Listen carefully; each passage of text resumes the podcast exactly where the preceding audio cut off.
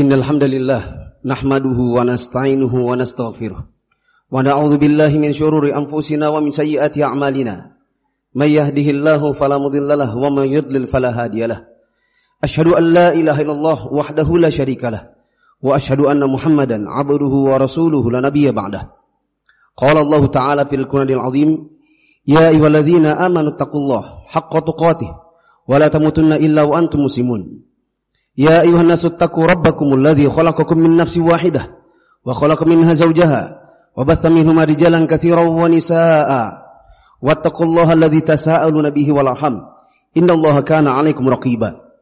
يا أيها الذين آمنوا اتقوا الله وقولوا قولا سديدا. يصلح لكم أعمالكم ويغفر لكم ذنوبكم ومن يعطي الله ورسوله فقد فاز فوزا عظيما. أما بعد فإن أصدق الحديث كتاب الله. وخلا هدي هدي محمد صلى الله عليه وسلم وشر الأمور محدثاتها فإن كل محدثة بدعة وكل بدعة ضلالة وكل ضلالة في النار Jamaah yang dirahmati Allah Subhanahu wa taala, kami awali khutbah pada hari ini dengan nasihat ketakwaan bagi diri kami pribadi dan bagi jamaah sekalian.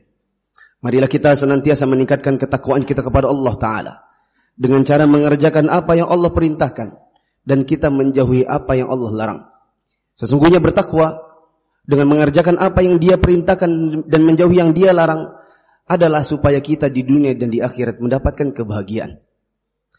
Jamaah yang dirahmati Allah Subhanahu wa taala, Al-Imam Al-Bukhari menyebutkan satu kisah ketika salah seorang sepupu Nabi sallallahu alaihi wasallam yaitu Abdullah bin Zubair datang afwan.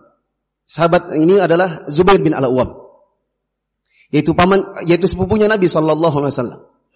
Datang kepada Nabi sallallahu alaihi wasallam bersama salah orang salah seorang tetangganya. Dikarenakan keduanya berkelahi dalam soal pengairan yang mengairi rumah mereka berdua. Setelah Rasulullah SAW mendengarkan penjelasan mereka berdua, maka Nabi memberikan pilihan. Nabi memberikan keputusan. Zubair, alirkan airnya ke rumahmu dulu. Bila sudah masuk ke rumahmu, baru kemudian alirkan ke tetanggamu. Maka tetangga yang menjadi sengketanya Zubair ini mengatakan, Ya Rasulullah, engkau pasti memberikan keputusan demikian dikarenakan dia sepupumu. Tetangganya Zubair ini menuduh Nabi SAW melakukan praktek KKN. Yaitu hanya dikarenakan ini sepupunya, maka dipentingkanlah Zubair. Makanya dikatakan oleh Nabi, alirkan dulu airnya ke Zubair, Lalu kemudian dialirkan ke tetangganya. Padahal semata-mata karena rumah si Zubair lebih tinggi daripada tetangganya. Maka di mana-mana aliran air pasti mengalir dari tempat yang tinggi ke tempat yang rendah. Makanya Nabi SAW mengatakan, alirkan dulu ke Zubair, baru ke tetangganya. Tetangganya malah protes. Dia mengatakan, keputusan seperti itu dikarenakan Zubair adalah sepupunya Nabi. Mendengar protesnya tetangga Zubair ini, maka Nabi SAW mengganti keputusannya. Nabi SAW mengatakan, Wahai Zubair, alirkan ke tempatmu lalu tabrakkan ke tembok. Supaya nanti kembali lagi ke tempatmu. Soal urusan teralir ke dia atau tidak, bukan urusanmu. Dikarenakan ini hak-hakmu. Karena, karena Rasulullah SAW memberikan keputusan demikian, maka Allah Ta'ala menurunkan firman-Nya dalam rangka melegalisasi perkataan Nabi. Allah mengatakan, "Fala wa rabbika la yu'minuna hatta yuhaqqimuka fima shajara bainahum." Thumma la thumma la yajidu fi anfusihim harajan mimma qadait wa yusallimu taslima. Allah taala mengatakan menurunkan firman-Nya. Sesungguhnya orang-orang itu tidaklah dikatakan betul-betul beriman secara sempurna sampai mereka menjadikan engkau wahai Muhammad sebagai hakim untuk sebuah perkara yang mereka perselisihkan di antara mereka. Lalu mereka menerima keputusanmu tanpa ada berat di dalam hatinya. Dan betul-betul menerima keputusanmu dengan dengan penerimaan yang benar. Penerimaan yang total. Maka jamaah yang dirahmati Allah Ta'ala. Pada kesempatan hari ini. Pada kesempatan di akhir khutbah ini saya menyampaikan sebuah nasihat. Agar kita bisa masuk ke dalam Islam dengan cara yang total. Kalau Allah dan Rasulnya sudah mengatakan A, maka kita kita ikuti. Tidak ada kata-kata lagi tapikan-tapikan. Sebagaimana perkataannya tetangganya Zubair. Ketika Rasulullah SAW sudah memutuskan agar dialiri ke Zubair dulu lalu dialiri ke dia, lalu dia protes, maka Nabi SAW mengganti keputusannya menjadi ke aliri Zubair, lalu tabrakan ke tembok hingga balik lagi ke tempatnya Zubair. Kalau Nabi SAW sudah mengatakan A, kata Allah, tidak dikatakan beriman secara sempurna orang yang sudah mendengar keputusan Nabi lalu dia milih yang lain. Kalau sudah diputuskan oleh Allah dan Rasulnya, masih ada berat di dalam hatinya. Ini bukan tipikal orang yang beriman dengan keimanan yang sempurna. Jamaah yang terima Allah Taala. Allah Subhanahu wa taala berfirman, "Ya ayyuhalladzina amanu dukhulu fis silmi kaffah wa la tattabi'u khutuwati syaitan. Innahu lakum aduwwum mubin." Wahai orang-orang yang beriman, masuklah ke dalam Islam secara total. Dan janganlah kamu mengikuti langkah-langkah syaitan. Sesungguhnya syaitan itu adalah musuh yang nyata bagi kalian. Manakala Allah Ta'ala mengatakan masuk ke dalam Islam secara total, jangan ikuti langkah syaitan. Maka kita dapati kalau ada orang mengatakan diberitahu tentang Islam lalu dia bilang tapi atau dia menolak atau dia memilih yang lain, maka ini sama dengan mengikuti langkah-langkah syaitan. Di antara orang yang bisa dikatakan masuk Islam tapi tidak total. Masuk Islam tapi masih bilang tapi. Di antaranya adalah orang-orang yang memilih-milih syariat Islam yang sesuai dengan dirinya. Mana yang sesuai untuk dirinya diambil. Mana yang nggak sesuai dibuang. Misal, disebutkan oleh Rasulullah Sallallahu Alaihi Wasallam tentang seorang wanita yang meninggal dikarenakan dirajam oleh Nabi karena dia berzina, tapi dia sudah bertaubat. Nabi SAW mengatakan, Laqad tabat taubatan. Lau tabaha sahibu maks, lahu. Wanita yang berzina lalu dirajam dan dia telah bertaubat ini, telah melakukan sebuah taubat yang kalau kadar pahalanya diberikan kepada para pemungut pajak, maka niscaya mereka semua diampuni dosanya. Hadis ini menunjukkan bahwa bekerja sebagai seorang pemungut pajak hukumnya haram. Mendengar seperti ini, mendengar yang seperti ini, Orang yang Islamnya secara total, dia akan mengatakan, oh begitu. Saya Alhamdulillah saya telah diberikan petunjuk kalau begitu. Berarti harus apa ini? Cari pekerjaan yang lain. Maka dia pun bersegera. Meskipun ada proses. Tetapi ber, bertekad untuk meninggalkan pekerjaannya. Bukan mengatakan tapi. Ada orang dikatakan bekerja di bank itu haram. Karena itu pekerjaan riba. Maka orang yang masuk Islam secara total dia akan mengatakan, Alhamdulillah Allah memberikan petunjuk kepada saya. Berarti saya harus bagaimana? Cari pekerjaan yang lain. Karena di dunia ini pekerjaan bukan cuma satu. Lebih dari seribu satu. Maka dia akan mengatakan, oke, okay, saya akan keluar, resign dengan proses. Masukkan surat, selesaikan pekerjaan, kemudian cabut. Ada pun orang yang masuk Islam tidak total, dia akan mengatakan, tapi kan. Tapi kan, tapi kan. Di antara contoh yang lain adalah misalnya Allah taala mewajibkan untuk berjilbab bagi seorang wanita. Orang yang masuk Islam secara total dia akan mengatakan berjilbab mulai hari ini. Usahakan bagaimana caranya. Adapun orang yang masuk Islamnya tidak total dia akan mengatakan tapi kan tapi kan panas. Tapi kan kalau begini kan, tapi kan kalau begitu kan. Di antara orang yang Masuk Islamnya tidak total. Laksana tetangganya Zubair itu. Adalah orang yang lebih mengedepankan akal dan perasaan ketimbang syariat. Orang yang masuk Islamnya total, kalau Allah dan Rasulnya menentukan A, maka tidak ada lagi pertimbangan akal dan perasaan. Dia akan beriman, menjalankan. Meskipun mungkin menjalankannya masih setengah, yang penting beriman dulu. Misal ada sebagian orang yang beriman tetapi imannya enggak total. Ketika diberitahukan bahwasanya ahli waris laki-laki dua kali anak perempuan. Maka dia mengatakan, tapi ini kan gak adil. Yang adil itu kalau setara. Kita katakan tidak.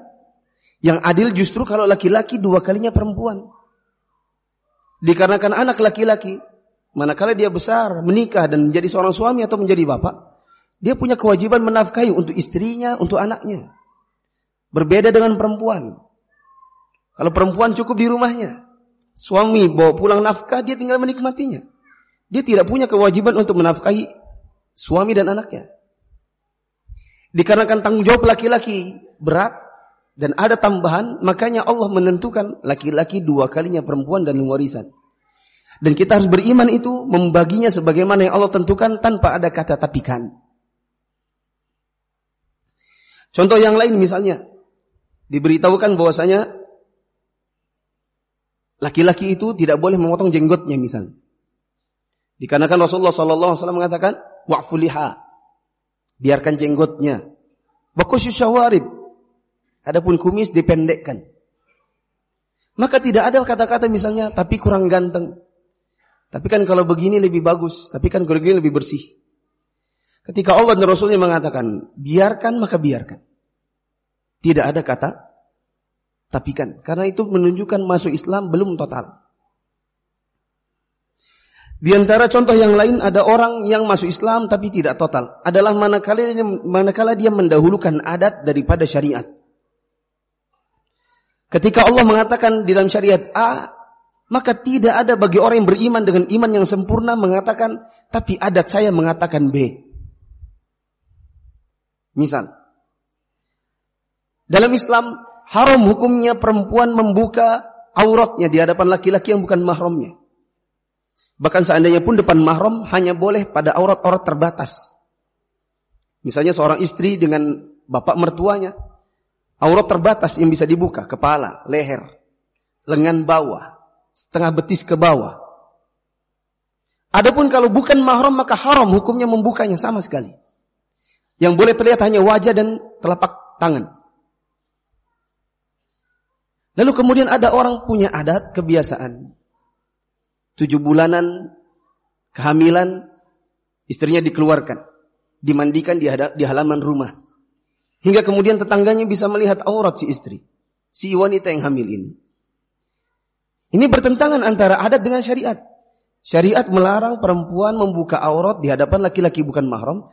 Adat menyuruh kita untuk membuka maka orang yang imannya total dia akan mengatakan, saya dahulukan syariat daripada adat. Contoh yang lain misalnya ada orang pulang haji atau umrah. Sebagian adat ya, membawa beras kuning untuk dilemparkan ke kepalanya orang yang baru pulang haji atau umrah. Ya. Sambil mengucapkan misalnya Allah ala Muhammad.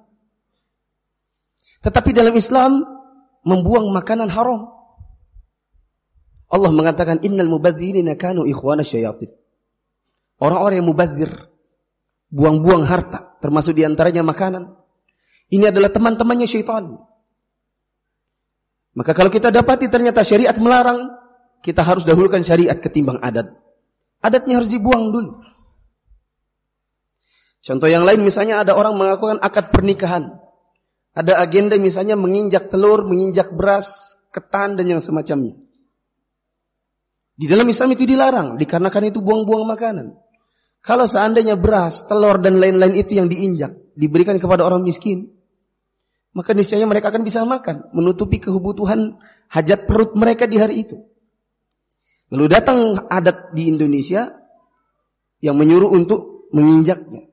Maka kita harus dahulukan syariat daripada adat adat yang seperti itu harus dibuang.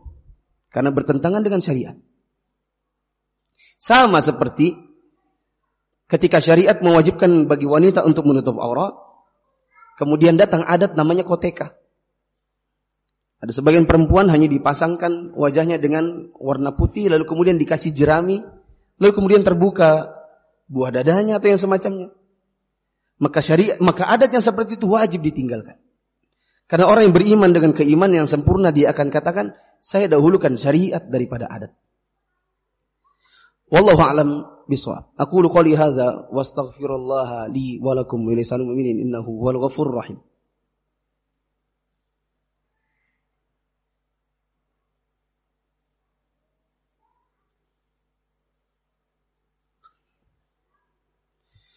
Alhamdulillahirabbil alamin wassalatu wassalamu ala asyrafil anbiya'i wal mursalin wa ala alihi wa ashabihi ajmain.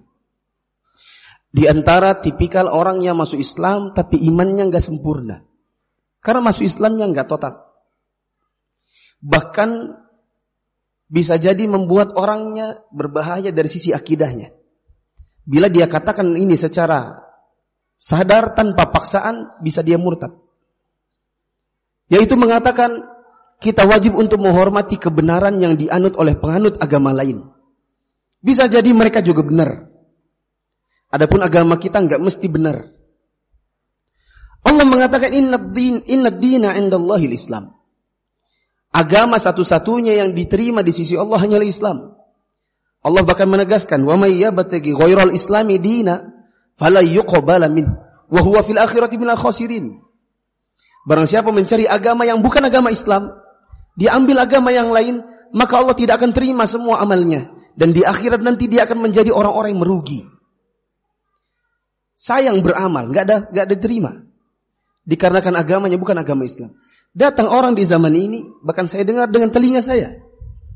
Ada sebagian dai yang berceramah di atas mimbar mengatakan, kita harus toleransi juga dengan orang-orang kafir, dengan orang Yahudi atau Nasrani. Siapa tahu mereka juga benar. Dan siapa tahu kita ini juga ada salahnya. Bisa jadi agama kita ini belum tentu benarnya. Perkataan demikian bila dikatakan oleh orang yang secara sadar tentang keimanan, tanpa ada paksaan, ini membuat pelakunya bisa jadi murtad. Karena meragukan agama diri sendiri, agama sendiri. Sementara Allah tidak Allah mengatakan tidak ada agama yang benar di sisi Allah kecuali Islam. Di antara perbuatan sebagian orang yang masuk Islam yang enggak total adalah toleransi pada agama yang lain dengan toleransi yang kebablasan. Seperti misalnya, ini adalah tanggal 22. Tiga hari lagi orang Nasrani akan merayakan hari Natal. Haram bagi seorang Islam untuk ikut-ikut dalam acara agama mereka. Datang memberi selamat-selamat hari raya Natal atau mengirim parcel, parcel itu hukumnya haram. Dikarenakan agama kita tidak akan menerima amalannya orang-orang kafir. Dan Rasulullah SAW mengatakan, Man tashabbah biqawmin fahuminhum. Siapa yang menyerupai suatu kaum, maka dia bagian dari kaum tersebut. Allah Ta'ala mengatakan, Lam yalid wa lam yulad. Allah itu tidak beranak dan tidak diperanakkan. Lalu datang orang Nasrani mengatakan, Selamat hari raya kelahiran Tuhan. Allah mengatakan, Lakum dinukum waliyadin. Bagi kalian agama kalian, bagiku agamaku. Maka tidak boleh bagi orang muslim untuk mengikuti acara-acara agamanya orang lain. Seperti misalnya, bekerja di suatu perusahaan, lalu dipaksakan kepalanya untuk memakai topi Natal atau topi Santa Claus. Yang kita dapati di sebagian kaum muslimin, bekerja di hotel, bekerja di public service, maka kemudian sebagian di antara mereka khususnya yang berlaku sebagai resepsionis. Di atasnya jilbab kepalanya, di atasnya jilbabnya ada topi Santa Claus. Satu kepala dua agama. Hukumnya haram. Dan ini melanggar akidah. Kalau ada yang mengatakan, tapi saya takut nanti takutnya dipecat, takutnya keluar dari pekerjaan. Maka kita katakan, pemerintah melarang. Ada perusahaan mewajibkan bagi karyawannya untuk menggunakan atribut Natal padahal dia muslim. Bila Anda dipaksa, Anda datang ke Disnaker, Dinas Tenaga Kerja. Di sana silakan adukan. Kalau ada perusahaan yang memaksa Anda untuk menggunakan atribut Natal padahal Anda muslim, maka mereka akan dihukum. Maka mereka akan dikirimi surat peringatan. Bila tidak bisa juga, Anda tidak berani atau datang di snaker mereka di sidang lalu mereka pulang Anda diancam, maka katakan, saya beriman kepada Allah, saya muslim total. Saya tidak takut kalau Anda memecat silahkan, tidak ada masalah. Toh Allah memberikan rezeki kepada orang bukan cuma satu, lebih dari seribu satu. Tinggalkan pekerjaan yang memang Anda dipaksa untuk membahayakan agama mereka, agama Anda. Termasuk di antaranya bila Anda bekerja di sebuah tempat yang Anda tidak bisa sholat. Ada sebagian orang yang mengatakan setiap zuhur saya nggak bisa sholat kecuali di, me di sebelah meja kantor karena dilarang keluar. Asar juga demikian. Maka kita katakan keluar kalau begitu. Minimal Anda laporkan ke Disnaker. Karena ada sebuah perusahaan kok, kok melarang karyawannya untuk beribadah. Tidak bisa keluar. Tinggalkan pekerjaan Anda karena yang memberi rezeki bukan mereka. Allah, mereka pun para pemilik perusahaan, Allahnya di, rezekinya diberikan oleh Allah, bukan oleh kalian, bukan oleh kita. Kita pun rezekinya bukan dari mereka. Ini yang namanya beriman kepada Allah, beriman kepada Nabi, masuk Islam secara total. Yaitu ketika Allah dan Rasulnya mengatakan A, kita bilang A tanpa ada kata tapi. Sebagaimana yang saya ceritakan dalam kasus Zubair. Ketika Nabi memberikan putusan lalu dia mengatakan, tapi kan ini pasti karena engkau adalah sepupunya. Malah memberikan tuduhan kepada Nabi Sallallahu Alaihi Wasallam. Maka jamaah yang dirahmati Allah, mulai hari ini harus ada pada dada saya ini muslim. Saya punya karakter. Jangan mau bilang kepada kita, saya beriman kepada Allah dan Rasulnya, masuk Islam secara total. Jangan mau kalah dengan orang Nasrani. Orang Nasrani di hari Ahad pagi, di tangan mereka kitab. Mengumpul di dekat rumahnya wali kota. Kalau kita perhatikan berkumpul mobil-mobil. Orang keluar dari dari mobilnya membawa kitabnya masing-masing tanpa malu. Kenapa kita jangan jadi muslim kok jadi takut? Takut tidak takut tidak punya pekerjaan, takut tak punya uang. Untuk memegang kitab suci saja malu begitu. Orang Nasrani tidak demikian. Kenapa kita harus takut? Dan Allah Subhanahu wa taala yang memberikan rezeki kepada kita, bukan mereka. Mulai hari ini terdengar kepada diri sendiri, saya muslim, beriman kepada Allah dan Rasulnya total. Apa kata Allah? Iya. Apa kata Nabi? Iya. Kalaupun ternyata ada yang susah ditinggalkan untuk sementara, minimal ngomong saya beriman, cuman saya belum bisa tinggalkan. Jangan bilang tapi-tapi. Iya ya, riba itu haram ya. Kalau gitu saya mau tinggalkan, tapi saya belum bisa. Kalau saya tinggalkan pekerjaan saya di bank, saya didenda 200 juta. Urusan Anda mau keluar atau tidak, belakangan. Yang penting Anda harus beriman dulu bahwa pekerjaan Anda haram dan Anda wajib keluar. Dan yang semacamnya yang saya contohkan pada khutbah pertama dan kedua tadi. Wallahu alam bisawab. Aku qouli hadza wa astaghfirullah. Inilah hari Jumat, hari di mana Rasulullah sallallahu alaihi wasallam mensunnahkan untuk memperbanyak salawat kepada beliau. Dan Allah berfirman, "Innallaha wa malaikatahu yusalluna 'alan nabi. Ya ayyuhalladzina amanu sallu 'alaihi wa sallimu taslima." Allahumma shalli ala Muhammad wa ala ali Muhammad kama shallaita ala Ibrahim wa ala ali Ibrahim innaka Hamidum Majid. Allahumma barik ala Muhammad wa ala ali Muhammad kama barakta ala Ibrahim wa ala ali Ibrahim innaka Hamidum Majid. Allahumma fil lil muslimin wal muslimat wal mu'minin wal mu'minat al ahya'i minhum wal amwat innaka samiun qaribun mujibud da'wat ya qadiyal hajat. Allahumma anfa'na bima 'allamtana وعلمنا ما ينفعنا وارزقنا علما ينفعنا. اللهم إنا نعوذ بك من علم لا ينفع ومن قلب لا يخشع ومن نفس لا تشبع ومن دعوة لا يستجاب لها. ربنا أتنا في الدنيا حسنة وفي الآخرة حسنة وقنا عذاب النار. والحمد لله رب العالمين.